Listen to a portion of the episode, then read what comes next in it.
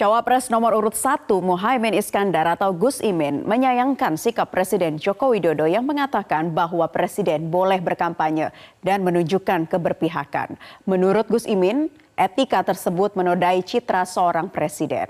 Sementara cawapres nomor urut 3 Mahfud MD tak mempermasalahkan presiden kampanye asalkan tidak memakai fasilitas negara.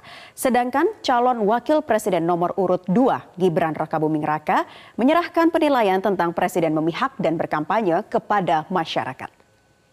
Presiden itu pemimpin tertinggi dalam berbagai hal. Konstitusi, kemanusiaan dan berbagai kultur sehingga harus betul-betul dijaga marwahnya. Nah, saya sangat uh, sedih ya mendengar presiden akan kampanye misalnya.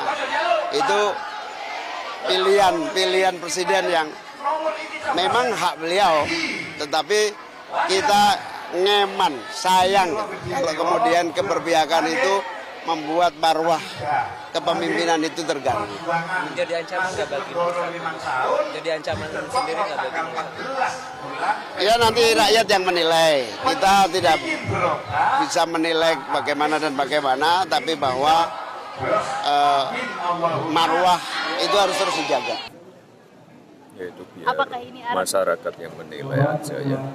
Kita fokus di sini dulu fasilitas negara gitu ya tidak apa-apa. Ya, presiden mengatakan begitu silakan aja. Anda mau ikut atau enggak itu kan.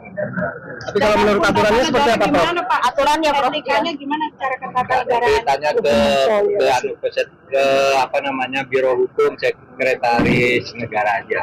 Memperkeruh suasana enggak bro? Enggak, kalau saya enggak keruh tuh malah sejuk ini